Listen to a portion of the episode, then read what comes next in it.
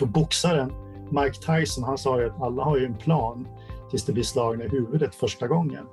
Och det är lite grann samma sak här. Vi kan inte göra de perfekta planerna, utan vi måste ut och testa, experimentera. Ju mer experiment man kan göra, desto mer kan man förstå hur kunder tänker och agerar.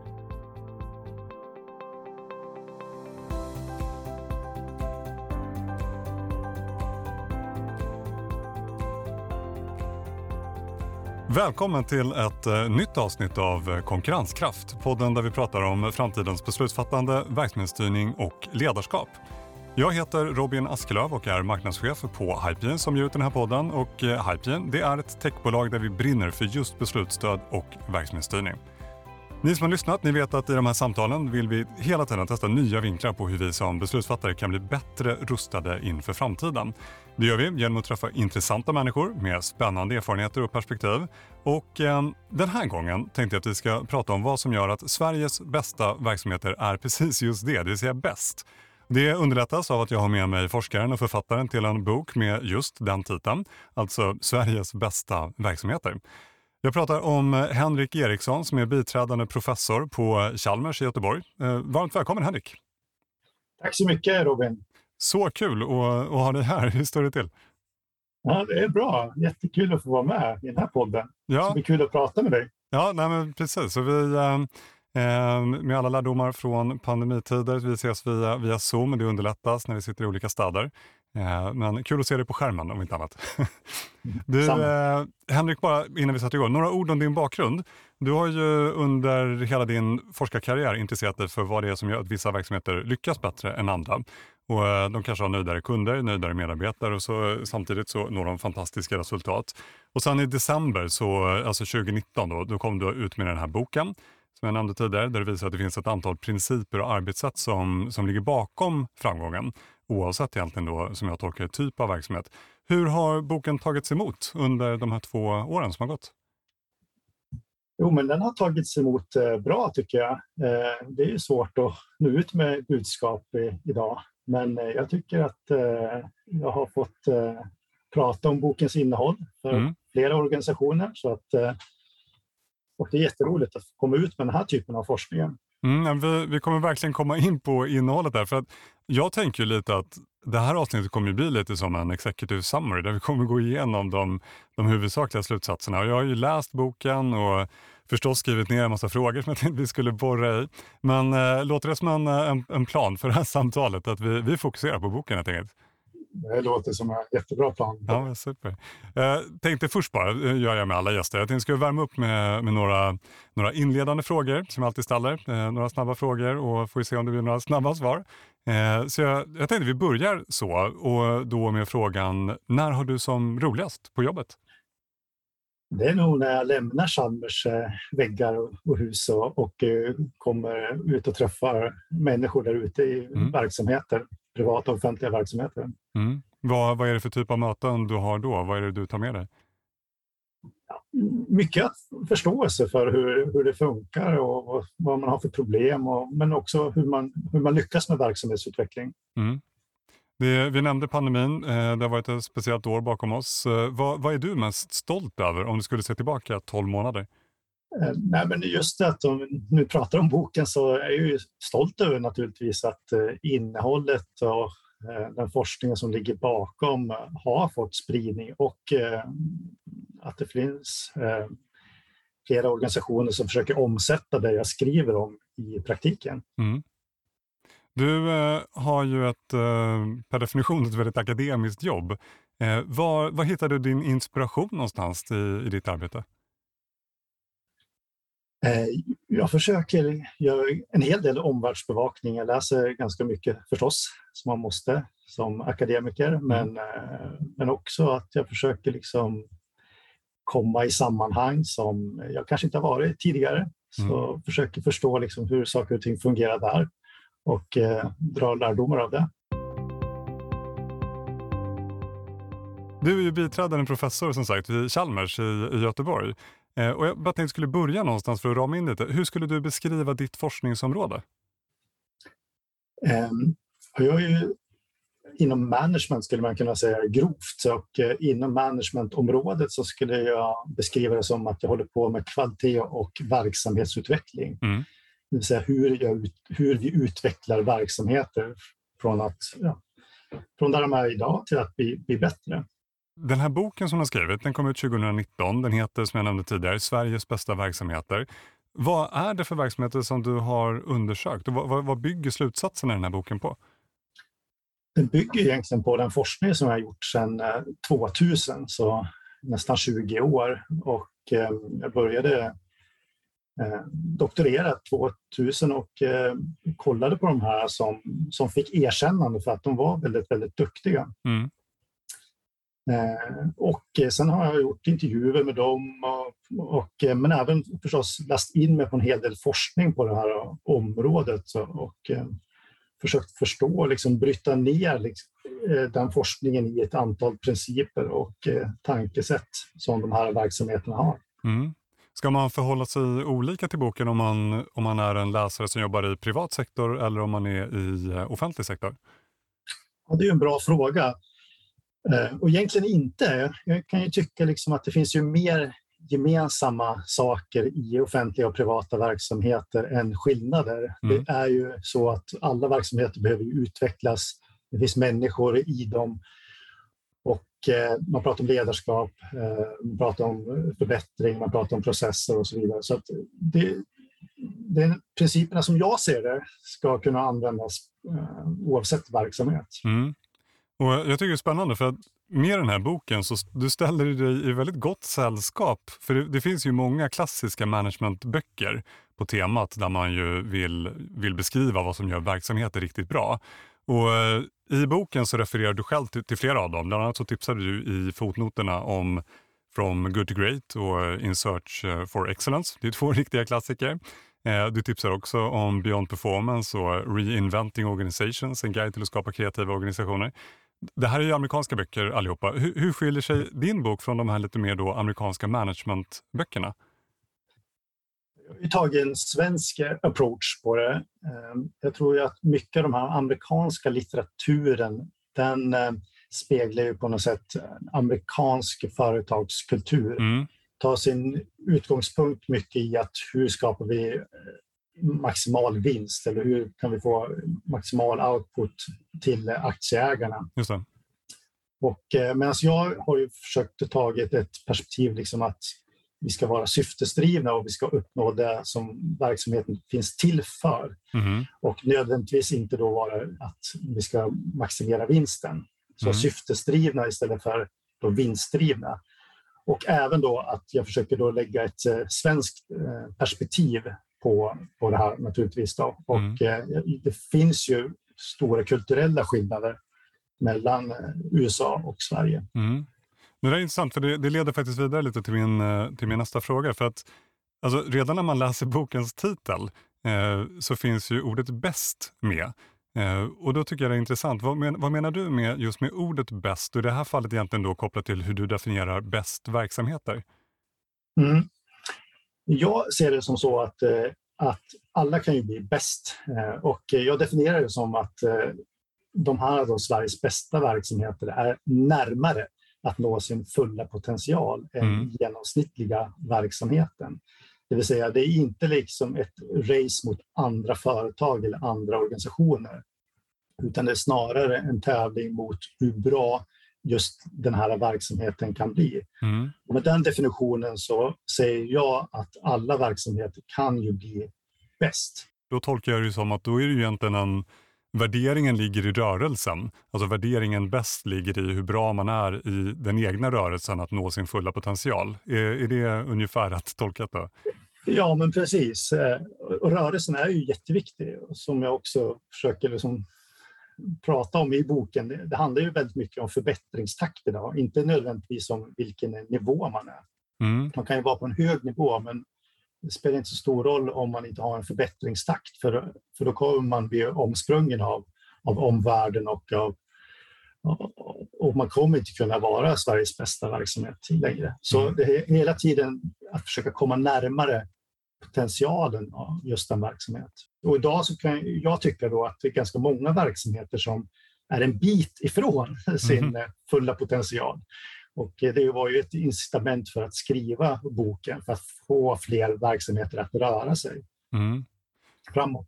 Vi, vi kommer ju vi kommer ju komma tillbaka till, till just det här begreppet bäst flera, flera gånger och den här rörelsen. Men jag tänkte vi kan faktiskt börja lite i den andra ändan. Eh, alltså de vanligaste felen. Som, alltså det här som handlar om att man kanske lägger krokben för sig själv och blir sämre än vad man kanske har potential att vara. Vad är det man gör då skulle du säga? Alltså vad är det man gör som, för, vad är de vanligaste misstagen för att gå åt fel håll? Ett vanligt misstag det är ju att man fastnar i den här byråkratiska geggan som jag kallar det mm. ibland. Det vill säga man fastnar i att göra utredningar, man fastnar i kartläggningar, man fastnar i att identifiera massor med problem och analyser. Man gör analyser på det, men man gör inte någon verklig förbättring eller någon verklig innovation. Så man sitter fast där. Mm. Det är ett vanligt misstag tycker jag vi ser eh, i verksamheter idag i Sverige. Man sitter, människor sitter långt ifrån verksamheten Eh, kärnverksamheten och eh, gör planer, men de får ingen effekt ute i kärnverksamheten.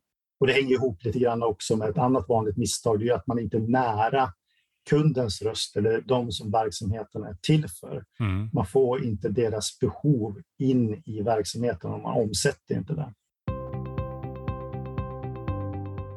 Boken är uppbyggd utifrån fem tydliga principer för framgång och jag tänkte skulle gå igenom dem och få dina tankar kring, kring respektive princip. Jag tänkte vi börjar med den första. Den har ju titeln Vi är behovs och eh, syftesdrivna. Och eh, med det menar ju du, tolkar jag det som, att de bästa verksamheterna vet varför deras verksamheter finns och vem de är till för. Och eh, lätt förenklat så ska ju det märkas genom alla funktioner, aktiviteter, arbetssätt. Alla utgår från behoven hos de som verksamheten finns till för, organisationens syfte. Men till att börja med, så det här kan ju låta som en självklarhet att man har koll på. Men hur bra skulle du säga att verksamheten egentligen är att definiera just den här kärnfrågan, vem man är till för? Man är nog hyfsat bra på det här, skulle jag säga. Man ser ju framförallt om man är ett företag så ser man vilka som man har som kunder som köper produkten och så här. Mm. Men det är också viktigt utifrån ett kundperspektiv, utifrån de som man är till för att förstå att det kanske inte bara är en grupp människor eller en grupp organisationer som man är till för. Det är lite mer svårt idag. Eh, till exempel måste vi alltid kanske ta, fram, ta med eh, framtida generationer som, mm. som är en viktig kundgrupp idag och fundera kring hur våra produkter och tjänster liksom kan se till så att de, den kundgruppen också beaktas. Mm. Dessutom och det finns, och ofta så finns det flera olika grupper då som man behöver ta hänsyn till och förstå deras behov. Så det gör det svårt att definiera och förstå alla de här gruppernas behov. Mm. Dessutom så har man också interna kunder eller interna som man levererar till och att förstå hela då kedjan. Mm. Så det, det, det, är inte så lätt som det ser ut på ytan kanske. Mm. Och eh, det ena är ju verkligen att förstå vem man är till för, vad som är syftet för, för verksamheten. Men då kopplar ju du här tydligt också till att man måste göra då rätt saker som kopplar an till det här. Och för att göra rätt saker då måste man ju ofta sluta göra annat om det är så att man fokuserar fel. Hur tycker du att man ska tänka här? Alltså vad är vanligast att man behöver börja respektive sluta med för att arbeta enligt den här principen som du beskriver? Jag tycker varför är en bra fråga. Mm. Eh, som en av eh, de som jag intervjuade, eh, Lena Lingman som är rektor på Hudik-gymnasiet, hon, när hon pratar med sina medarbetare så återkommer hon väldigt ofta till varför.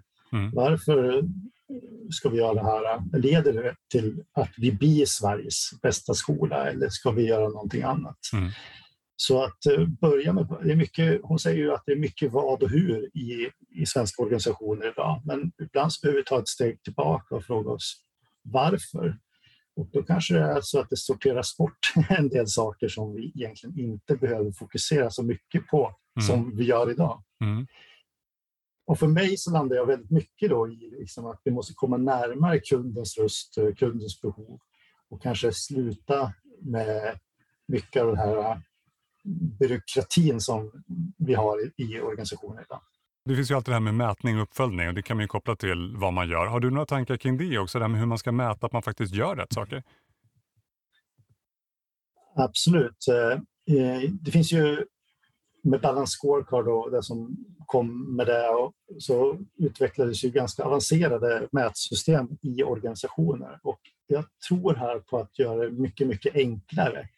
Försöka hitta några centrala mått som speglar verksamheten utifrån kund, medarbetare, eh, kanske ägarperspektiv, mm. förbättringsperspektiv. Men att försöka ta bort de här komplicerade eh, mätsystemen som många organisationer har, har byggt upp.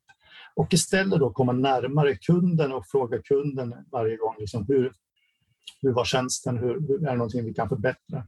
Så man, för när vi aggregerar upp den här datan på väldigt hög nivå så är det väldigt svårt att agera på den. Mm. Så den här datan måste komma mycket närmare medarbetare i kärnverksamheten. Du, vi, eh, vi går vidare, det är så många principer här. Den andra principen heter Vi har värdeskapande processer och nätverk. Och du beskriver det som att de bästa verksamheterna de gör rätt saker på rätt sätt över tid. Och då är det viktigt att eh, organisationens processer och nätverk är värdeskapande och att arbetssätten hänger ihop med varandra. Det är så du skriver i boken. Va, vad betyder det här i praktiken? Eh, det har ju tyvärr blivit så att eh, det är svårt att få de här stora komplexa systemen att fungera utifrån ett kundperspektiv vi har aktiviteter som hänger ihop med varandra som måste fungera utifrån ett kundperspektiv. Mm. Och då pratar man om processer och att använda det här med värdeskapande processer. Och här finns ju mycket att hämta ifrån lean och, och, och det här med att eliminera slöserier och, och även standardisera processer. Och försöka förstå vad som är värdeskapande och vad som inte är värdeskapande mm. utifrån ett kundperspektiv. Och, eh, du kommer in på jättemånga intressanta resonemang här eh, i, i den här delen av boken. Eh, en sak som jag reflekterade mycket över det är det här med att man, som du beskriver, kan arbeta utifrån en nätverkslogik eller en processlogik och att man då beroende på logik har fokus antingen på aktiviteter eller på aktörer i sina processer. Kan du berätta mer om det och varför det är viktigt? För jag tyckte det var intressant. Mm. Nej, men det är ju så att eh, det här är egentligen lite inspirerat av en amerikansk professor som heter Clayton Christensen och uh, han menar då att ja, men vissa saker går ju faktiskt att standardisera hur man ska göra saker och ting. Hur jag ska eh, ja, operera korsbandet. Det går att standardisera exakt hur det ska göra för att det ska bli ett bra, bra utfall. Mm. Men däremot kanske om jag eh, är en äldre på ett äldreboende, då går det inte att standardisera allting i detalj. Det sker inte alltid A, B, C, D och i den ordningen.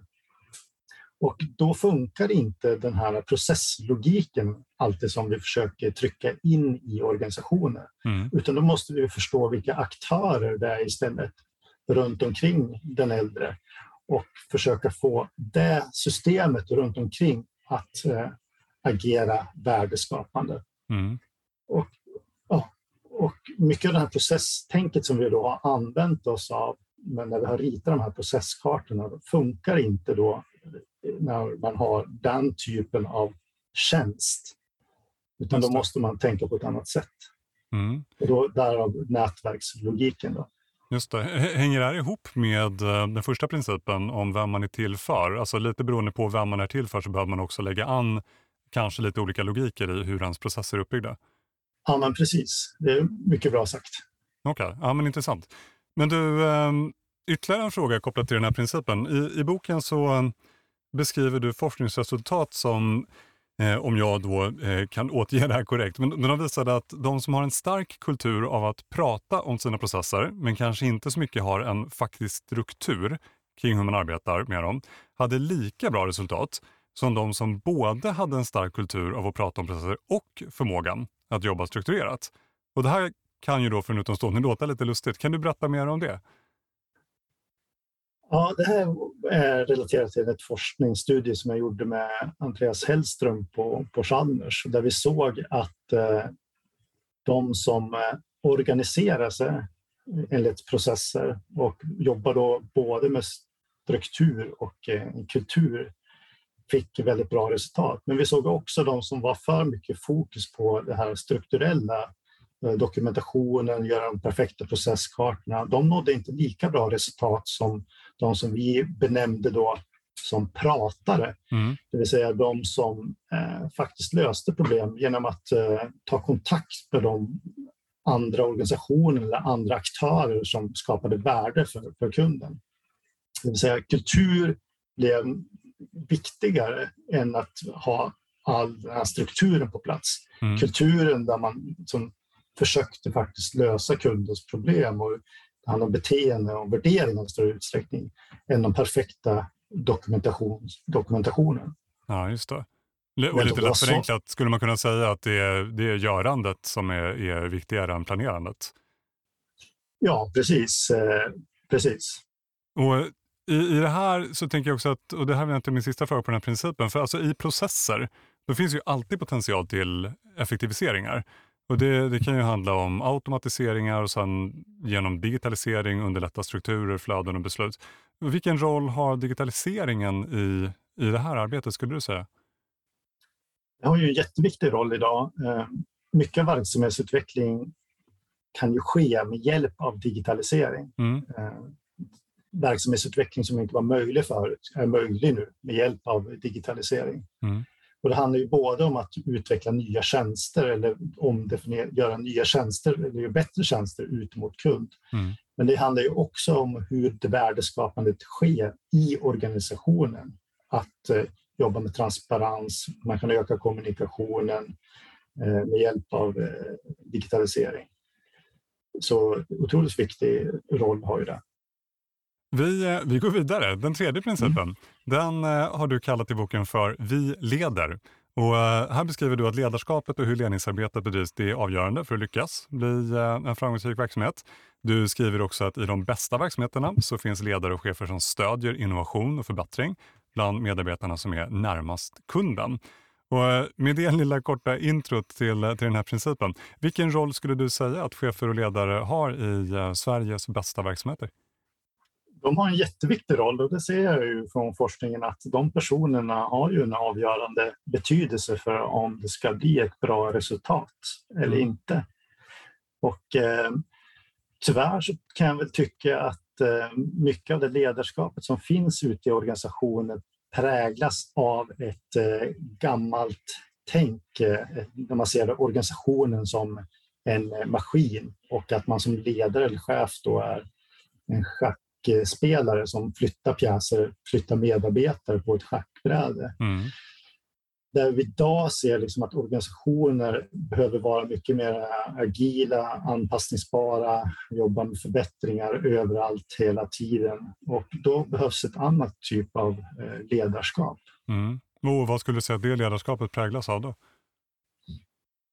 Då handlar det väldigt mycket om att eh, inse att som chef så är jag där för att se till så att mina medarbetare kan leverera någonting bra för dem som verksamheten är till för, då, mm. om man är första linjeschef. Så istället för att uh, försöka styra ska man kanske då stödja i större utsträckning. Ja, just det. Och återigen då tänker jag, koppling till den första principen, att man är eh, syftesdrivna och går tillbaka kanske då till, till frågan varför hela tiden. Du, eh, du har ett tips i boken eh, och det är att eh, det finns ett effektivt sätt att ta reda på eh, om en verksamhet hör till Sveriges bästa och det är att fråga sig vad som under den senaste tiden har förbättrats eh, för den verksamheten är till för. Och om svaret då är en omorganisation eller ett nytt arbetssätt, ja då har de en bit kvar i sin utvecklingsresa. Vad, eh, kan du berätta mer? Vad, vad är dina tankar kring det här? Nej, men jag hör ju ofta det att eh, man har gjort ett förbättringsarbete och ett förbättringsprojekt och så vad man har landat i då kanske ett eh, nytt dokument eller man har gjort en utredning eller man har gjort en ny, nytt mötesforum för någonting. Mm. Och, och, för mig är ju inte det en förbättring, utan det är ju bara ett medel för att eventuellt kunna nå en förbättring. Så förbättring för mig handlar ju om faktiska resultatförbättringar för de som vi är till för. Du har ytterligare en skrivning där som jag tänkte skulle hoppa in i. För kopplat just till innovation och förändring. Du skriver att framgångsrika organisationer är duktiga på att vara tvåhänta tyckte jag var ett roligt uttryck. Kan du berätta mer om det också? Vad, vad betyder det? Ja, eh, det är också ganska mycket forskning som har gjorts på det området där forskare försöker beskriva verksamheter som om man ska lyckas då, så behöver man både ha det här med eh, vad man kallar då exploit och explore. Mm. Exploit står ju för att man måste hela tiden jobba med förbättringar där man är utifrån de, det systemet som man befinner sig i då. Mm. Medan explore handlar ju mer om att utforska, det vill säga vi kan inte alltid göra som vi alltid har gjort det för då kommer vi alltid få samma resultat. Utan vi måste ibland ta lite större grepp på verksamheten mm. och eh, jobba mer innovativt och, och, och tänka helt nytt. Mm. Och framgångsrika verksamheter är då tvåhänta, de klarar av båda de här två delarna samtidigt. Ja, just det. Just Man är det. både höger och vänsterhänt, så att säga. Ja, flera tankar i huvudet samtidigt. ja, men det är bra. Förhoppningsvis. Mm. Ja. Du, vi är redan fjärde, eh, framme vid den, den fjärde principen. Eh, den har titeln Vi är motiverade. Och eh, den här tycker jag är spännande, för det, det, finns ju massor med, med undersökningar som visar att många faktiskt inte är så motiverade på sitt jobb. Och eh, I boken så skriver du att eh, framgångsrika verksamheter är de som har designat arbetssätt som inte demotiverar redan engagerade medarbetare. Kan du berätta mer om den här principen? Ja, men precis. Det är ju många som eh, refererar till Gallup-studien som visar att endast 14 procent är motiverade på svenska arbetsplatser. Och då kan man ju fråga sig varför är det så? Och eh, jag menar ju att det finns ju svar i forskning här. Om man då går till eh, det som kallas self-determination theory så, så beskrivs ju vad som motiverar människor. Om man har någon typ av kreativt inslag i sitt arbete, det vill säga som vi alla har idag nästan på, på svenska arbetsplatser. Mm. Det vill säga vi kan inte göra någonting repetitivt om och om igen bara. Mm. Eh, så menar man då i det här forskningsområdet att ja, ju högre grad av självstyre vi kan skapa, desto högre motivation kommer vi få. Eh, ju mer vi kan koppla till att det finns en mening och ett syfte med, med arbetet, ja, ju högre motivation kommer man få. Mm. Och eh, kopplat också då till att man kan få kompetensen värderas och man kan få kompetensutveckling och, och så vidare, att man hela tiden kan bli bättre på det man gör, mm. så ökar också motivationen. Och jag menar ju då att eh, vi har varit dåliga på att skapa förutsättningar för medarbetare att kunna bli motiverade. Och vi har skapat arbetsplatser som istället för att motivera människor, demotiverar dem. Mm.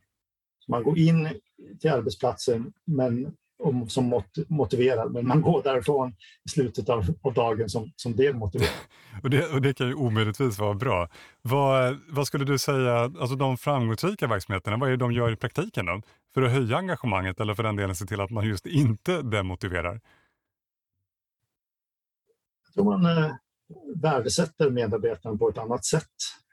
Man eh, jag ser ju att man gör väldigt mycket för medarbetarna, att man lyssnar väldigt mycket på dem. Mm. Eh, man har lämnat det här top-down hierarkiska organisationen där chefen fattar ett beslut och så sen så trycker man ner det i organisationen.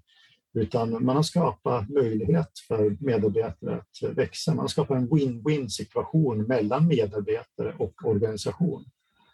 Och på det sättet så har man då fått högre motivation. Mm istället för att man ser medarbetare som bara arbetskraft som, som man ska styra över. Mm. Och du, du visar ju i den, i den här delen av boken också, så visar du ju forskningsresultat som pekar tydligt också på att det här har väldigt konkreta effekter på resultatet. Alltså vad, vad man presterar i verksamheten. Du hade ju en studie där bland annat som Eh, där, där, du och en forskarkollega ni hade tittat på 165 verksamheter i både offentlig och privat sektor och undersökt vad det är som påverkar resultatet i det man gör. Och, eh, där visade det sig ju att just medarbetarnas engagemang hade störst påverkan. Kan du berätta mer om den studien? Ja, det var en jätterolig studie som jag gjorde tillsammans med en annan kollega, Henry Rahario på mm. Chalmers. Och vi fick eh, tillgång till den här databasen på 165 verksamheter och vi såg då vilken, hur bra man presterade på ett antal olika kriterier. Men vi hade också data på vilket resultat de här organisationerna fick. Mm. Och resultat i vid bemärkelse, både eh, kopplat till kund, medarbetare men också ägare. Mm. Och vi ser då, det som då överraskar oss här är ju att ju bättre man är på strategisk planering, som var ett sådant kriterium som man då trodde att det här måste man jobba med mm. för att kunna bli bra verksamhet, för att få bra resultat. Och där ramlar det ut till vår överraskning då lite grann, som att ju bättre offentliga verksamheter är på det här, desto sämre resultat får man. Ja, intressant. Och, och eh, det var lite wow. Eh, och, men det ligger faktiskt, när man eh, kollar lite djupare så ligger någonting i det att ju mer man lägger fokus på det, ju mindre tid har man på att prata om det som faktiskt är viktigt i kärnverksamheten. Mm. Det, det, vi däremot såg då i den här studien, det var det som påverkade resultatet. Det var ju medarbetarnas engagemang. Det var otroligt viktigt. Men vi såg också det här som vi kallar ledning, hur organisationen leds och hur man får jobbet gjort på organisationen mm. hade en avgörande betydelse för resultatet. Det är jätteintressant. Bara en följdfråga på den där. För behöver man där skilja på eh, strategisk planering och strategiarbete? Alltså det, det, eller om jag ska förtydliga. Om man tar de, de punkterna vi har pratat om hittills så är det ju en typ av strategiarbete att till exempel landa i vem verksamheten är till för, att ta de strategiska besluten. Det är ju ett strategiarbete att landa i vad man ska ha för angreppssätt kopplat till processer och så vidare. Det finns ju en rad strategiska beslut i det. Så, så bara en följdfråga just där, behöver man kanske skilja där på strategiarbetet och den strategiska planeringen när man, när man pratar om just den strategiska aspekten här? Ja, det här är ju en intressant eh, diskussion. Och, eh, du får komma till Chalmers och hjälpa oss att de definiera de här begreppen. För det är ju naturligtvis eh, så här, vad, men vad lägger du i det här ordet strategisk planering, mm. Och, och, eh, och vad är en skillnad med strategiskt arbete? Ska vi då sluta tänka strategiskt? Det låter ju helt fel. Eh, vad jag menar här är ju att då att vi behöver göra på ett annat sätt. Vi måste komma mycket närmare kärnverksamheten. Vi måste komma, ha mycket kortare planeringscykler och vi måste koppla. Ofta så tänker man ju kanske strategiskt arbete som att man gör femårsplaner eller som Sovjetunionen, Sovjet gjorde för, för många, många år sedan, liksom mm. typ en planekonomi. Och så funkar det ju inte idag och jag skulle då vilja uppmuntra organisationer att lägga ner det arbetet om man håller på med det. För att jag tror att man måste vara mycket närmare kärnverksamheten. Man måste planera och sen göra, planera och göra och jobba mycket mer iterativt. Mm. Så planera två, tre veckor och gör någonting istället. Mm. Istället för att prata på lång sikt vad som kommer hända om, om några år. Men du, eh, apropå görandet, vi går vidare till den femte och sista principen mm. och den har ju rubriken Vi förbättrar. Och eh, om jag tolkar det rätt, då handlar det ju om att Sveriges bästa verksamheter förbättrar saker hela tiden. Plus att förbättringstakten är hög. Och här pratar vi om att man har en förbättringskultur på plats och att man inte tror på att det finns de här perfekta planerna som ska lösa alla problem. Istället testar man och förbättrar successivt. Och jag tycker det är spännande, för i andra intervjuer med dig som jag har hört, då har du egentligen då resonerat att det är den här principen som allting börjar med. Eh, samtidigt kommer den ju sist ju, i, i boken som den femte principen. Kan du berätta mer om, om det, dina tankar där? Mm. Ja, det, det, är intressant du säger det, för jag hade den faktiskt först i boken. Men sen blev den flyttad längst bak av någon anledning. Jag vet inte varför. Men det är ju det här det är, bottnar i egentligen. Om man mm. ska lyfta fram en princip så handlar det om förbättringar. Och eh, jag tror ju att man ska inte starta med någon av de här principerna, men om man ska starta med någonting så mm. handlar det om att starta med förbättringar. Alltså förbättra nu, här, här och nu. Vad mm. kan jag göra eh, den närmaste tiden för att göra det bättre för de som vi är till för? Och då pratar jag inte om då tillsätta eh, en ny, ny, ny grupp eller göra en ny utredning, ja, utan faktiskt göra riktiga förbättringar. Och boxaren Mike Tyson han sa ju att alla har ju en plan tills det blir slagna i huvudet första gången. Det. Och det är lite grann samma sak här. Vi kan inte göra de perfekta planerna, utan vi måste ut och testa, experimentera. Ju mer experiment man kan göra, desto mer kan man förstå hur kunder tänker och agerar. Och eh, ju mer experiment så lär vi oss om vi inte lyckas med dem och vi kan som, få en, en, en cykel här som, som föder mer mm. förbättringar. Kopplat till det, du skiljer ju i boken på förändring genom implementering och förändring genom förbättring. Eh, och I den förra varianten då handlar det om att kanske då någon utreder, man har en chef som beslutar och sen implementerar man och sen tas det där eller så tas det inte emot i, i organisationen beroende på hur bra man gör det. Eh, och i den andra delen, alltså förändring genom förbättring, då handlar det ju mer Tokyo som, som inkrementella och kontinuerliga förbättringar. Finns det en tid och en plats för båda de här metoderna? Och när ska i så fall det ena användas och när ska det andra användas? Ja, eh, väldigt bra fråga. Ehm, och det är ju så att jag ser det som att förbättring, förändring genom förbättring då, behövs alltid överallt mm. i alla organisationer.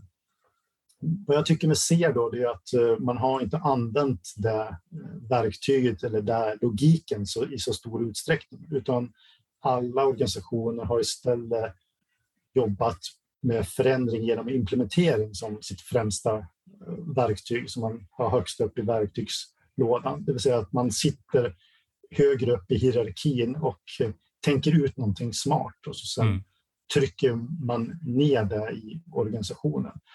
Och ja, visst är det så att den kan behövas ibland, eh, men inte alltid som det har gjorts idag. Mm. Jag tror att för många problem försöker lösas med hjälp av den logiken som egentligen hade då varit bättre att använda en förbättringslogik. Vet du Henrik, vi har gått igenom alla fem principer eh, som, eh, som gör verksamheten riktigt bra enligt den här boken. Kanske rent av bäst. Men för den som lyssnat här nu, inspireras och vill komma igång. Eh, du nämnde lite av det alldeles nyss här nu, men var ska man börja någonstans tycker du? Ja, jag tror att man ska börja lämna konferensrummen, eh, lämna powerpointen, gå ut i verksamheten, mm och se hur den funkar. Prata kanske med någon som verksamheten är till för. Uh, lyssna vad det är för någon typ av problem som kan finnas och så sen sätta igång och förbättra. Gör någonting litet, experimentera. Uh, testa någonting under två veckor och gör någonting annat. Mm. Och se, fråga sen kunden igen, blev det bättre? Om blev det inte det så provar vi igen och gör någonting nytt. Mm. Komma närmare kärnverksamheten där. Ja, just det. Och då, då pratar man nästan om, det är, det är någon blandning där tänker jag, mindset och eh, agerande. Att faktiskt kanske bli lite mer framåtlutad i sitt görande med ett förbättringsfokus och framförallt kopplat till det de verksamheten är till för. Absolut, ja. bra sammanfattat. Ja.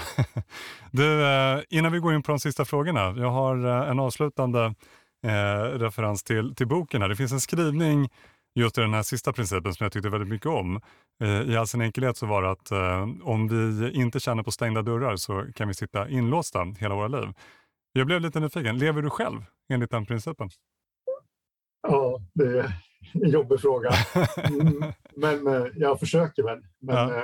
det finns väl ett antal stängda dörrar säkert som jag skulle också behöva kolla på. Ja. Men naturligtvis, det handlar om ständiga förbättringar här också. Nej, men för jag, tycker, jag tycker den är super, superbra formulerad. För det är ju verkligen så här, ska man sträva efter förbättringar, då måste man ju, i någon mening måste du faktiskt först se dörrarna, att de överhuvudtaget finns.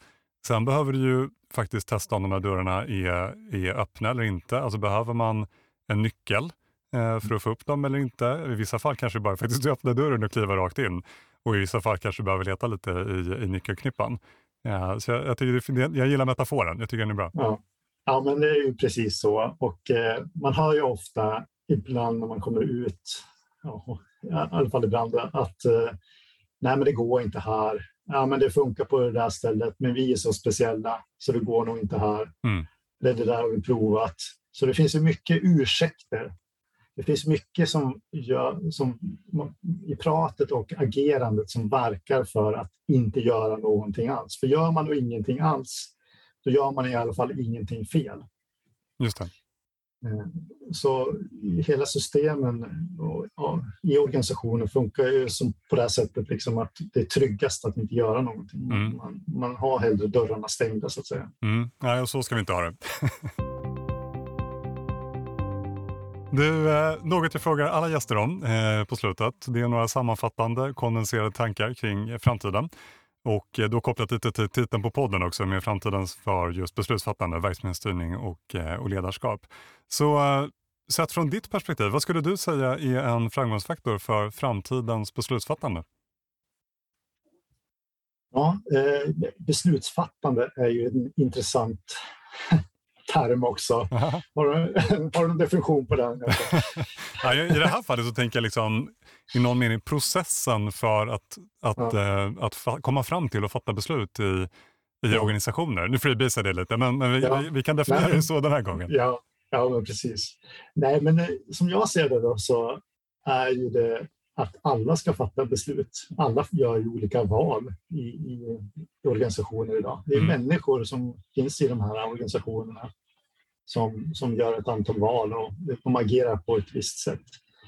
Så att eh, försöka lämna den här bilden om att beslutsfattande då sker högre upp i hierarkin i organisationen och eh, görs av människor som kan tänka ut de här planerna. Det, den, det funkar inte längre. Utan beslutsfattandet sker överallt hela tiden och då mm. handlar det om att ge de människorna som fattar de här besluten ja, energi, kraft, ta hand om dem eh, och se till så att de har det bra. Mm. Då kommer det bli bra beslut också. Mm. Ja, det låter, det låter vettigt. Vad, vad är nyckeln till uh, framtidens verksamhetsstyrning om man tänker planering, uppföljning, analys i, i verksamheter? Jag tror då att vi behöver lämna det här tayloristiska sättet att uh, organisera eh, som vi gjorde kanske på det förra årtusendet. Vi behöver nya operativsystem.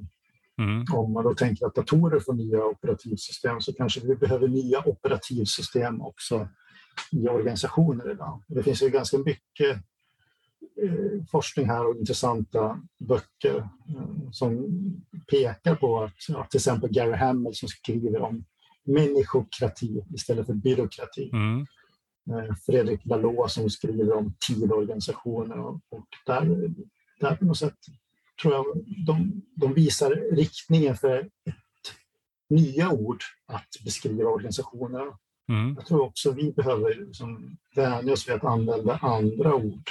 Mm. fast i en del ord som vi använder som kanske inte speglar människor och samhället idag. Mm. Ja, men jättespännande reflektioner. Eh, sista frågan, nyckeln till eh, framtidens ledarskap. En sista och inte helt eh, liten fråga förvisso, men dina spontana tankar? Ja, det är också jätteintressant. Det här skulle vi kunna också ha en lång utläggning på. Men eh, jag menar ju att ledarskap eh, är någonting också ett problematiskt begrepp. Det handlar ju om att eh, få ett antal följare egentligen och att man på något sätt leder de följarna mot, eh, i en riktning eller mot ett mål eller så. Mm. Och det ringer ju också ganska illa med hur jag ser organisationer. Så jag tror mycket av den ledarskapsindustri av alla konsulter som är där ute att eh, vi behöver också hjälpas åt för att frågasätta de här ledarskapsmodellerna som, som cirkulerar. Så, mm. så nyckeln till framtidens ledarskap den, den finns i Sveriges bästa verksamheter. Då. Just det. Det är där de borde finnas. ja, superbra. Du, Henrik Eriksson, var jättekul att ha dig här. Otroligt roligt att få dina reflektioner eh, utifrån den här boken som du har skrivit, Sveriges bästa verksamheter. Stort tack för att du var med. Tack så jättemycket Robin för att jag fick vara med. Och eh, alla ni som lyssnar innan ni stänger av. Jag brukar alltid försöka tipsa om bra läsning som har med avsnittet att göra. Den här gången så tänkte jag tipsa om en av böckerna som, som du refererar till Henrik, eh, nämligen Beyond Performance av Scott Keller och Colin Price. Jag gillar ett eh, statement de har där i inledningen av boken att den största uppfinningen genom tiderna, det är inte hjulet, det är organisationen. Genom att arbeta effektivt så kan människor uppnå prestationer långt utöver vad de hade kunnat åstadkomma individuellt.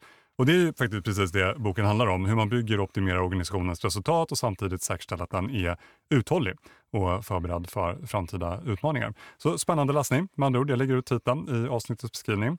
Dessutom så tycker jag som vanligt att du ska gå in på hypegen.se. Där hittar du allt från white papers, rapporter till webinars och föreläsningar. Allt kretsar kring planering, uppföljning, analys, det vi håller på med.